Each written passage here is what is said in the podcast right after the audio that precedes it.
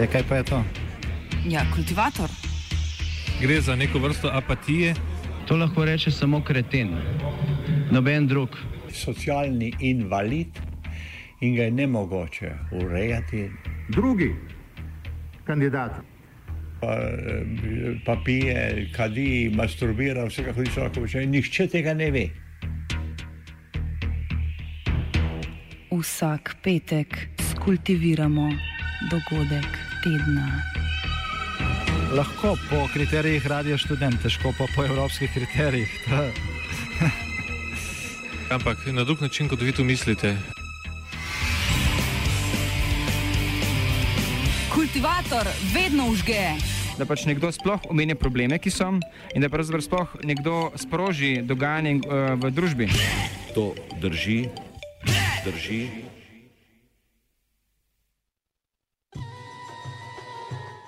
Priznanje koga ali česa. Ko so v volilnem letu na pobudo prvaka stranke Desus Karla Arjavca v slovenskem političnem prostoru ponovno odpre vprašanje priznanja Palestine, je zdrava mera dvoma v izhodiščni namen takšnega dejanja še kako na mestu. Ne zato, ker bi pri vprašanju padli v predvidljivo delitev mnen za, proti, temveč zaradi odsotnosti konkretne in poglobljene analize, kaj takšno priznanje v današnjih okoliščinah in spremenjenih pogojih sploh pomeni. Kaj danes sploh tvori Palestino kot politično entiteto, kaj jo vzdržuje v stanju permanentne podrejenosti. Kakšne sploh so možne in potencialno učinkovite rešitve na mednarodni ravni za najdaljšo vojaško okupacijo v moderni zgodovini? Odgovore smo iskali v pogovoru s slovenskim raziskovalcem Primožem Štrbencem in novinarjem spletnega portala RTV Slovenija Borisom Vasevem.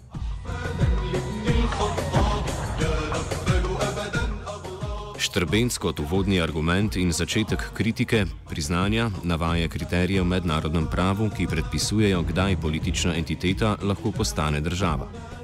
Torej, v kontekstu priznavanja Slovenije oziroma priznavanja morebitne palestinske državnosti strani Republike Slovenije se seveda treba posem jasno vprašati, kakšna je res situacija v zvezi s palestinsko entiteto v smislu morebitnega nastajanja palestinske države. Pri tem je treba najprej seveda jasno povedati, da mednarodno pravo za to, da bi neka entiteta postala država, predpisuje tri pogoje oziroma tri kriterije. Prvič, da mora imeti ozemlje, drugič, da mora imeti prebivalstvo in pa tretjič, da mora imeti tako imenovano efektivno oblast oziroma organizacijo neodvisno od drugih držav.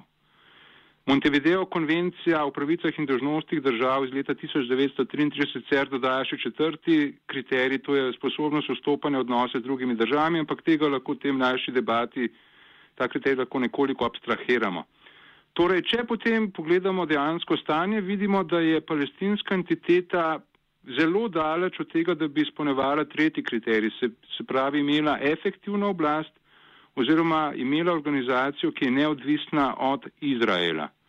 Povedano zelo v prozaičnem jeziku, Izrael lahko v katerem koli trenutku pritisne na nek gumb, torej alegorično rečeno, ki lahko posem ustavi vsakošno efektivno delovanje palestinskih oblasti na palestinskih okupiranih ozemljih, se pravi predvsem na Zahodnem bregu.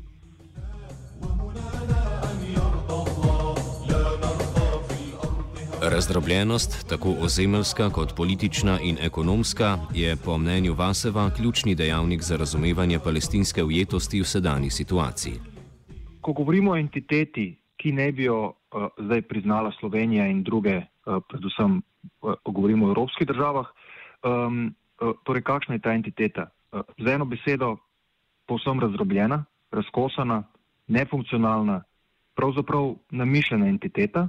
In zdaj, če govorimo o palestinskih notranjih političnih procesih, tudi nedemokratična, ampak vsem, uh, kljub tej kritiki, treba te procese postaviti v kontekst nemogočih razmer okupacije in kolonizacije. Ampak ne glede na to, se mi zdi pomembno tudi ta vidik izpostaviti. Zdaj, ko govorimo o razdrobljenosti uh, Palestine kot entitete, um, ta razdrobljenost je vidna na več ravneh. Geografsko seveda razdrobljena na Gazo na zahodu in na zahodni breg z vzhodnim Jeruzalemom na vzhodu. Vmes je, je nek širši pas izraelske države, ki seveda te entiteti potem fizično ločuje. Dodatno je Zahodni breg od vzhodnega Jeruzalema, ki ga palestinci zahtevajo za svoje glavno mesto, ločeno s pasom judovskih naselbin. Pričemer naj si poslušalci in poslušalke seveda ne predstavljajo nekih zaselkov, ampak naj si predstavljajo mesta z, z več deset tisoč prebivalci in seveda vso pripadajočo infrastrukturo. Tukaj govorimo o cestah, um, ki povezujejo te naselbine med seboj in seveda tudi z Izraelom in govorimo o zidu, katerega namen je v bistvu trajno pripojiti dodatno palestinsko zemljo Izraelu. Ta fragmentacija je direktna posledica izraelske okupacijske strategije, etničnega čiščenja in načrtnega naseljevanja judovskega prebivalstva na palestinska ozemlja. Štrbenc. To se je zgodilo zaradi tega, ker je seveda Izrael vse od leta 1967, ko je zasedal Zahodni breg eh, in pa vzhodni Jeruzalem, torej kontinuirano in flagrantno kršil in še vedno krši četrto ženevsko konvencijo o zaščiti civilnih oseb med vojno, ki se, ki se aplicira na okupirana ozemlja. Konkretno, Izrael je dosedaj na Zahodni breg in v anektirani vzhodni Jeruzalem naselil več kot 700 tisoč judovskih naseljencev in to ne kar tako stihijsko, ampak strateškim namenom onemogočiti kontinuiteto palestinske entitete oziroma ozemalsko povezanost razbiti različna ozemeljska, razbiti ozemlje Palestine. Predvsem je to naredil z utrditvijo treh velikih blokov judovskih naselij, Ariel na severu, Malja Dumim v srednjem delu zahodnega brega in pa Gušecion na jugu. Drugič, Izrael je prepredal zahodni breg s tako imenovanimi obvoznimi cestami, po katerih se lahko vodi, vozi zgolj judovsko prebivalstvo in so te obvozne ceste med sebojno povezujejo zgolj judovska naselja na Zahodnem bregu in pa Izrael, medtem ko se izogibajo palestinskim, palestinskim naselbinam. In seveda te ceste, ki so široke avtoceste, ozemalsko, torej sekajo uh, sam Zahodni breg. Potem tretjič Izrael je zgradil tako imenovan varnostni zid, ki se zajeda močno v notrno Zahodnega brega ob torej zaobjema te velike bloke naselij in pa glavne aqua, vodne akvaferje, se pravi izvere vode, za katere vemo, da so zelo dragoceni na tem področju. In pa četrtič, Izrael vse čas aplicira politiko, ki jo Sara Roy imenuje de-development, se pravi sistematično preprečevanje kakršnega koli ekonomskega razvoja palestinske entitete. Znotraj Zahodnega brega je območje nadalje razdrobljeno na administrativne cone A, B in C, ki, kakor opiše Vasov, delujejo z blagoslovom vlade iz Tel Aviva ter ob stalni prisotnosti vojske okupatorja.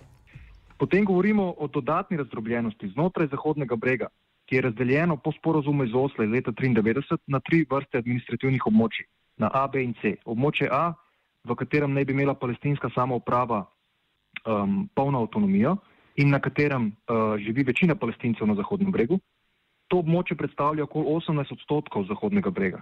Potem je območje B, kjer naj bi bil nadzor deljen z Izraelom, to je okoli 22 odstotkov in seveda največji, največji del Zahodnega brega, območje C, ki predstavlja 60 odstotkov tega ozemlja, v katerem ima Izrael popoln nadzor. Uh, ob tem treba povedati, da te dve območji, torej A in B, uh, nista celoviti, ampak gre za okoli 160, uh, recimo, otokov znotraj območja C. Um, in in uh, dodatno so palestinska območja na Zahodnem bregu razdeljena med seboj z več kot 600 izraelskimi vojaškimi nadzornimi točkami, ki v bistvu onemogočajo normalno življenje in premikanje. Tako da gre za entiteto, ki je posebno razkosana, ki je posebno nepovezana in v kateri ob tem živi več kot 600 tisoč judovskih naseljencev, za katere si je zelo težko predstavljati um, da bodo to območje kdaj zapustili. Štrbenc opisane pogoje postavi v kontekst mednarodnega prava, po katerem lahko priznanje države kompenzira odsotnost efektivne oblasti. Zaradi vsega tega je palestinska entiteta daleč od tega, da bi imela torej efektivno oblast, pri čemer naj dodam, da mednarodno pravo dopušča, da lahko priznanja držav kompenzirajo odsotnost, ene, torej odsotnost izpolnevanja enega od kriterijev, to je efektivna oblast, vendar pa zgolj v primeru, če neka entiteta je v procesu pridobivanja oziroma vse večjega izpolnevanja tega kriterija. Torej, v primeru Palestine je situacija diametralno nasprotna, da ima Palestina zmeraj manj efektivne oblasti in torej tudi priznanja držav ne morejo kompenzirati tega manjka. Tako pridemo do samega vprašanja tako zvanega mirovnega procesa in direktnih pogajanj med izraelsko in palestinsko stranjo, k kateremu vsaj deklarativno želijo pripomoči aktualni zagovorniki priznanja. Ko se lotimo tega vprašanja, pravzaprav uh, pomembno osvetlimo tudi slovensko debato o priznanju Palestine, namreč ker zagovorniki priznanja, torej tudi celotna koalicija in pa tudi sama stranka Levice, povdarja, da bi s tem obudili mirovni proces, tako imenovan mirovni proces. Celo Izrael govori o tem, da naj bi se najprej palestinci in izraelci v okviru mirovnega procesa domenili, potem pa naj bi sledila priznanja. Tle treba jasno povedati, da gre za konstrukt mirovnega procesa, da, prav, da gre pravzaprav za proces, ki je, ki je vodil v nestabilnost in še vedno vodil nestabilnost in, je, in gre za nek konkreten proces, ki se je začel z, z sporazumom, sporazumom iz Osla oziroma deklaracijo o načeljih leta 1993. Prav takšen mirovni proces je po Štrbenčevem mnenju zapečatil usodo prizadevanj za svobodo, za svobodo Palestine začetka 90-ih let. Torej, ravno ta proces, o katerem vsi danes govorijo, da je vodil, da bi ga bilo treba obnoviti, je bil tisti, ki je verjetno, ali pa lahko rečem zelo, zelo verjetno zapečatil usodo palestincev, da ne morejo več dobiti sovrene in življenjsko sposobne države, kajti ravno od leta 1993 naprej je Izrael paradoksalno najbolj intenzivno kršil mednarodno pravo in že, leta, in že do leta 2000, v teh sedmih letih tega najbolj intenzivne faze procesa iz Osla, verjetno onemogočil nastanek suverene življenjsko sposobne palestinske države. Torej, naj se vrnem k vprašanju, tedaj na začetku 90-ih let so bile nemara te možnosti, da bi mednarodna skupnost priznanji in pa z bolj intenzivnim, torej uveljavljanjem četrte življenjske konvencije, dejansko uveljavljala suvereno in življenjsko sposobno palestinsko državo. Vasov izpostavi še eno plat problematike, ki nekako ustrajno uhaja iz javnega diskurza in debat odločevalcev: rešitev dveh držav in njene posledice. Drugo vprašanje, ki se ga v bistvu ne omenja, ko govorimo o priznanju Palestine, pa je, kaj ta priznanja v bistvu pomenijo za Izrael in za evropske države, če že ne pomenijo nič za palestince, ki tam živijo, v praksi seveda, eh, torej onkraj tega simbolnega. Jaz mislim, da gre tukaj predvsem za reševanje tega koncepta dveh držav, ki sicer že desetletja ni uresničljiv. Torej koncepta Palestine in Izraela, ki ne bi sobivala v miru in varnosti in tako naprej, vse kar se, vse, kar se omenja v skladu s tem, pri čemer se seveda Izrael izpostavlja kot judovsko državo. Uh, torej v bistvu gre pri konceptu priznanja Palestine tudi za neke vrste zaščito Izraela kot judovske države, kar je seveda rasističen koncept in je v bistvu srce celega problema. Torej, gre za idejo, da Izrael pripada judom in da imajo posledično državljani ne judje, konkretno palestinci, uh, ki so večinoma muslimani in tudi kristijani in seveda tudi ateisti, ki jih je okoli 20 odstotkov v Izraelu, uh, torej 20 odstotkov državljanov Izraela, da imajo posledično za to manj pravic. To se vidi v več deset diskriminatornih zakonih v Izraelu, ki postavljajo državljane palestinskega rodu v podrejen položaj. In zdaj, če je Izrael priznan kot judovska država, kar nekako bi izhajal lahko iz teh priznanj, To pomeni, da je to lahko država le z močno judovsko večino. To je nekaj, kar izraelske oblasti uh, vse čas ponavljajo. Skratka, palestince predstavljajo kot demografsko grožnjo, kot demografsko bombo. To so vse izrazi, ki jih vrh izraelske politike uporablja, ko govorijo o uh, palestinskih državljanih Izraela. Kdaj je bil torej pravi čas za takšno obliko priznanja in kdaj je minil? Štrbenc. Torej, takrat na začetku tega procesa je dejansko bilo judovskih naseljencev mnogo manj na palestinskih okupiranih ozemljih in niso bili tako strateško utrjeni, da sekajo palestinsko kontinuiteto v zemelj. Takrat ne mara bi morala mednarodna skupnost močno, močno torej intenzivirati debato o priznavanju, o tem, da se dejansko začne Izrael siliti še komiku tistih judovskih naseljencev, ki so bili tam tedaj Zgodilo pa se je nasprotno, torej, ker, ker ti, ta proces, ker ti sporazumi, torej začenši sporazumom iz Osla, ki so mu potem sledili izvedbeni sporazumov, predvsem tako imenovan Oslo 2, 28. september 1995, niso vsebovali nikakršnih resnih varovalk pred izraelsko kršitvijo mednarodnega prava. Torej, ravno danes berem, da novinar sprašuje izraelskega veleposlanika o tem, kaj pravi v resoluciji 242. V teh sporazumih so kot referenčna točka za končni izid tega procesa, torej je navajena resolucija Varnostnega sveta OZN 242. Ta resolucija je v angliški inačici, ki se upošteva, torej angliški besedilni inačici, tako ambivalentna, da je daleč od tega, da bi palestincem zagotavljala, da bi se Izrael umaknil vseh okupiranih ozemelj. Vasov se temu stališču pridružuje in dodaja. Zdaj, palestinsko svobodilna organizacija je Palestino kot državo razglasila leta 88, torej 30 let nazaj. Če so želele države po svetu priznati Palestino, so lahko to storile v treh desetletjih. Tudi Slovenija je imela od leta 91 skoraj 30 let časa za priznanje, kot pa vidimo, tudi ta čas ni dovolj. Vedno je potreben nek dodaten premislek, vedno je potrebno dodatno preverjanje posledic, vedno razmere uh, v navednicah seveda ne omogočajo ali pa ne, uh, uh, rekel, ne omogočajo ukrepanje v smeri priznanja. Vedno, vedno se najde nekaj, kar, kar to, kar to um, priznanje zaustavi in tudi etnično čiščenje, kolonizacija in apartheid na zasedenih ozemljih, ki seveda potekajo pod vojaško okupacijo, so bilo vsa ta desetletja posem jasni procesi. Izrael jih niti ne skriva. Izraelske oblasti se navznoter s tem hvalijo in seveda govorijo o okupiranih ozemljih kot o delu Izraela, kot o, o zemlju, ki seveda Izraelu pripada. Tako da to potrebo po razmisleku, po, po dodatnem razmisleku, vedno po dodatnih preverjanjih okoliščin in tako naprej, moramo razumeti zgolj kot odločitev za neukrepanje. Eh, čeprav je Slovenija seveda kot podpisnica četrte ženevske konvencije dolžna zagotavljati spoštovanje mednarodnega prava, to pomeni, je dolžna eh, izvajati določene ukrepe. Tudi mito o naprednih Norvežanih, ki naj bi pripomogli pri pogajanjih, je predvsem potreben dekonstrukcije. Pri tem lahko rečem, da je treba tudi ta mit, da je Norveška dosegla preboj, torej dekonstruirati. Norveška ravno zato, ker ni bila močen zunanji akter, je morala takrat v tajnih pogajanjih sprejeti stališča Izraela in pritiskati zgolj na palestince.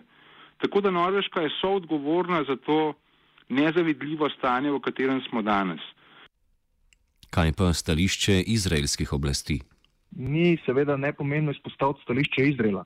Ko govorimo o tem, kakšna ne bi bila Palestina, ki bi jo Slovenija priznala. Izraelske najvišje oblasti javno govorijo, vključno seveda s premijejem Netanjahujem, da ne bojo nikoli eh, priznali oziroma sprejeli Palestine kot države.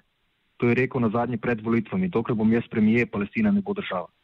Pripravljeni so se pogovarjati o tem, da bi jo sprejel zgolj kot neko entiteto, ki je manj kot država. Torej entiteto, ki ne bo nadzirala svojih meja, ki ne bo nadzirala zračnega prostora, ki ne bo nadzirala vodnih virov, ki bo demilitarizirana. Skratka, v tej obliki Palestina ne bo suverena, ne bo odvisna, ampak ravno obratno, bo povsem odvisna od Izraela, tako gospodarsko, kot vojaško. Eh, tako da jaz mislim, da z, Evrop, z evropske perspektive priznanje Palestine, katera se zdaj nekako napoveduje v več državah, eh, predvsem konkretno v Sloveniji, ne pomenijo toliko skrb za palestince, ki živijo pod okupacijo in za begunce, ki so bili pregnani v okviru etničnega čiščenja pred 70 leti in kasneje, ampak gre predvsem za reševanje lastnih preteklih in propadlih politik, ustrajanje pri dveh državah brez ukrepanja. Ob tem se pojavlja tudi možnost za nove zlorabe priznanja Palestine strani Izraela, ko pride do vprašanja repatriacije beguncev v sosednjih državah. Vprašajmo se, kaj to pomeni za pravice milijonov palestinskih beguncev v sosednjih državah, ki so bili izgnani ob nastanku Izraela in kasneje. Um, ali se bojo smeli kadarkoli vrniti v Izrael oziroma prejeti odškodnino za izgon, kot jim zagotavlja mednarodno pravo. Izrael se bo seveda v primeru mednarodnega priznanja Eh, Palestine skliceval na to, da palestinci imajo svojo državo in ne grejo zdaj vsi ti palestinski begunci tja. Seveda, trenutna zgodovinska situacija ni nastala neodvisno od palestinske interne politike, predvsem od, od, od odnosa med strankama Fatah in Hamas. Štrbenc. Torej, najprej treba povedati, da uh, seveda Izrael daleč največji krivac za to, da so palestinci v tako, tako, tako rekoč izgubljenem položaju. Ampak Izrael ni edini krivec, skupaj seveda s svojim konsistentnim podpornikom Združenih državami Amerike, pa tudi Evropsko unijo, ki ne izpolnjuje svojih mednarodno-pravnih obveznosti. Ampak je treba jasno povedati, da je stara garda Fataha, govorim o Jaserju Arafatu, Mahmudu Abbasu, se pravi sedanjem palestinskem predsedniku, Ahmedu Kureju, Nabilu Šatu, Sajbu Erekatu in pa drugih, torej da je stara garda Fataha zakockala najbolj vitalne nacionalne interese palestincev in lahko rečemo za, za svoje lastne interese, politične in ekonomske, prodala palestinsko državnost. Ker vprašati se moramo, kako da so palestinci pristali na te sporazume iz Osla, če so tako zelo škodljivi za nje, objektivno gledano. Zato, ker je treba poznati konkretne okoliščine, v katerih se je začel ta proces iz Osla in vedeti, da, da v bistvu je stara garda Fataha zato, da bi zopet prišla nazaj v središče palestinskega političnega predstavništva, in pa zato, da ne bi ekonomsko kolapsirala, ker so ji bogate zalivske države zaprle finančno pipo, bila pripravljena podpisati karkoli v pogajanjih z Izraelom, konkretno v tajnih pogajanjih na Norveškem. Kolaboracija Fataha, ki je pripeljala do vojne s Hamasom, je prizadevanja za priznanje hudo omejila, izraelska strategija pa je žela uspeh za uspehom. Vse do danes je to, se to delovanje starega artefakta, ki ga nažalost ni mogoče drugače označiti kot kolaboracija, nadaljuje. Izraelcem povedano drugače, je uspela genialna poteza, da so zaigrali na te interesne struje starega artefakta in palestince aktivirali za to, da sami izpolnjujo večino nalog, ki bi jo sicer kot okupacijska sila moral izpolnjevati Izrael na palestinskih okupiranih ozemljih. Ravno zaradi tega, ker je palestinsko prebivalstvo v sedmih letih ali pa v trinajstih letih tega sporazuma iz Osla videlo, da ne vodi nikamor, je januarja 2006 na parlamentarnih volitvah svobodnih palestinskih izvolilo večino Ham Hamasu, torej izvolilo dalo večino Hamasu.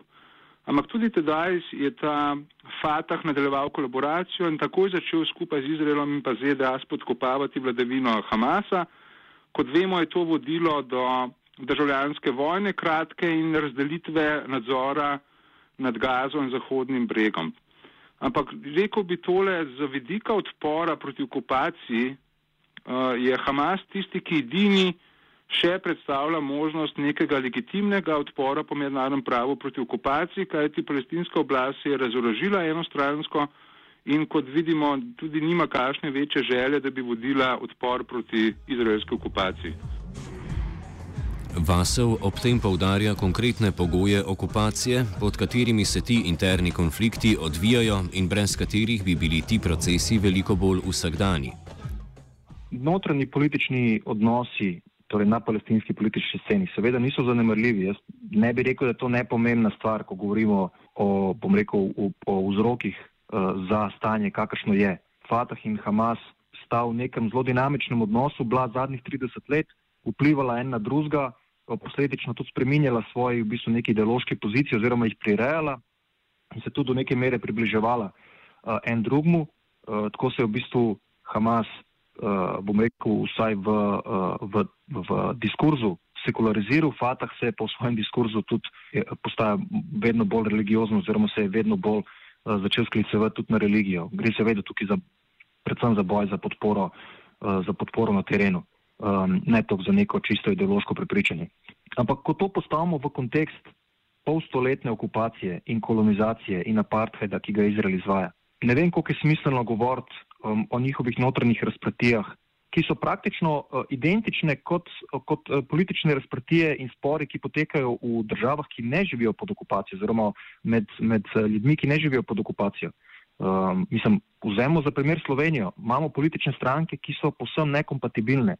Če bi ta proces postavil v nemogoče razmere, ko postaviš zunanjega okupatorja, ki seveda potem aktivno vpliva tudi na odnose, ki veže recimo v tem primeru Fatah nase kot uh, kot neko palestinsko frakcijo, ki zdaj praktično izvaja okupacijo na zasedenih ozemljih, ki jih ima pod nadzorom na mesto Izraela. Vidimo, da če bi ta proces preslikal na, na drugo okolje, bi po mojem dobu podoben rezultat. Skratka, ni, ni, uh, ta njihova notranja razmerja niso nekaj, kar, kar bi bil unikom, unikom v svetu. Unikom je zgolj zaradi te najdalj trajajoče vojaške okupacije. Kaj bi, glede na povedano, torej moralo biti vodilo države, kakršna je Slovenija, pri opredeljevanju do rešitev? Vodilo bi moralo biti, kako pomagati ljudstvu uh, pod okupacijo oziroma zatiranemu ljudstvu, v tem primeru palestinskemu ljudstvu. Če je to vodilo, ki, ki te vodi pri razmišljanju o priznanju, bo priznanje zgolj, bom rekel, eno od ukrepov ali pa zgolj, zgolj izhodiščni korak in bi mu sledila vrsta drugih ukrepov.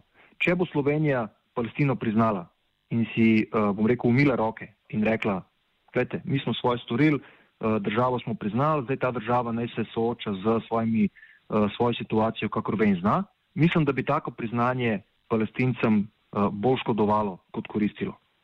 Slovenija, kot vse druge države, bi seveda, če gre do priznanje, morale sprejeti naknadne ukrepe zoper Izrael. Um, govorimo o neki obliki sankcij, govorimo o popolni redefiniciji odnosa z Izraelom, ker Slovenija bo zapadla v primeru priznanja v neko zelo perverzno situacijo, v kateri bo Palestino priznala kot suvereno in neodvisno državo, obenem bo pa Izraelu prodajala orožje, s katerim bo to državo okupiral. Ali pa bo sodelovala na akademski ravni z institucijami, ki delujejo uh, znotraj Palestine kot neodvisne suverene države v nasprotju z mednarodnim pravom. Uh, taki primeri so v Sloveniji že obstajali.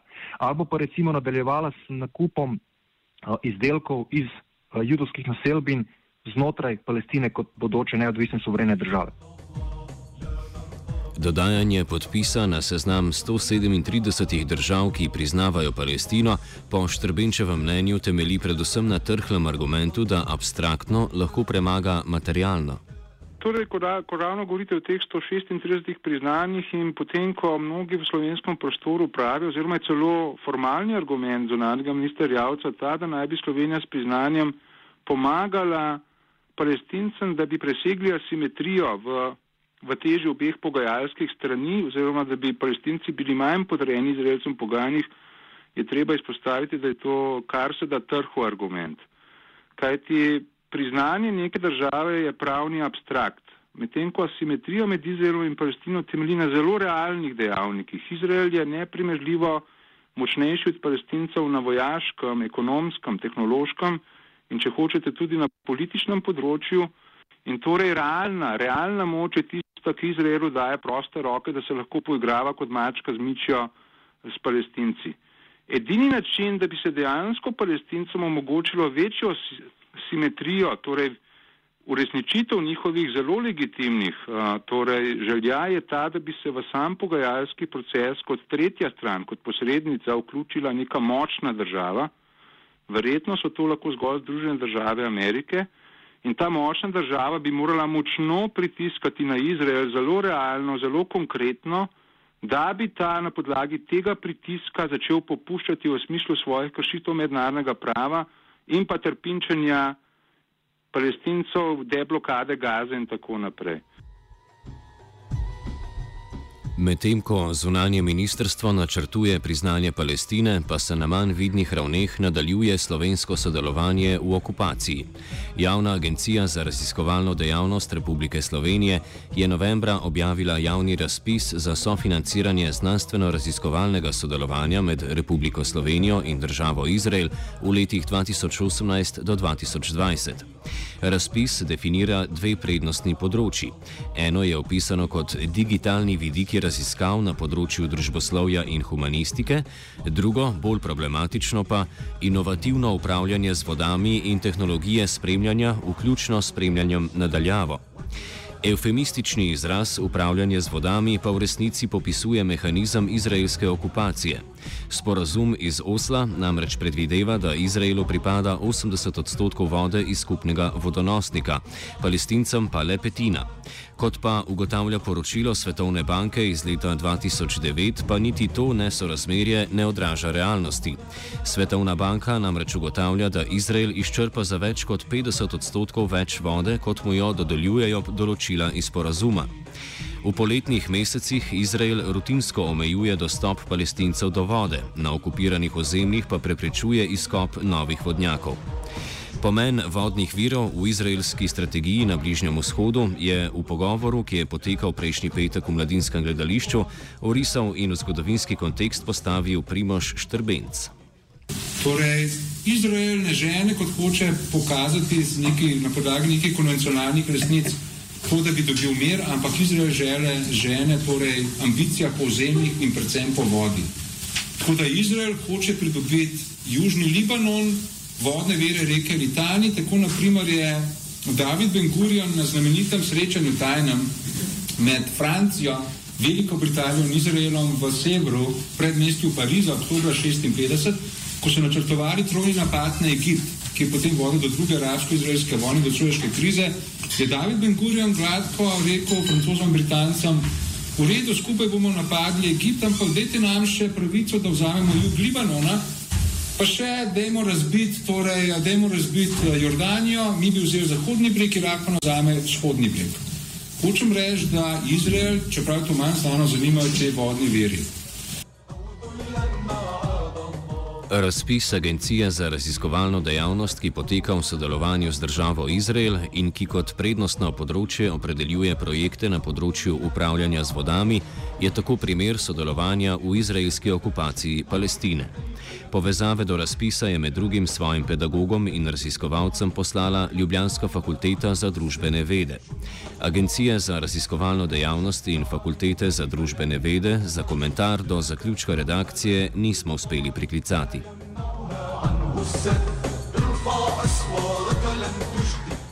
Ob tem, da evropske države, vključno Slovenijo, še vedno sodelujejo v izraelski okupaciji, Vasev povdarja, da je konec okupacije zgolj eden izmed potrebnih pogojev za rešitev konflikta.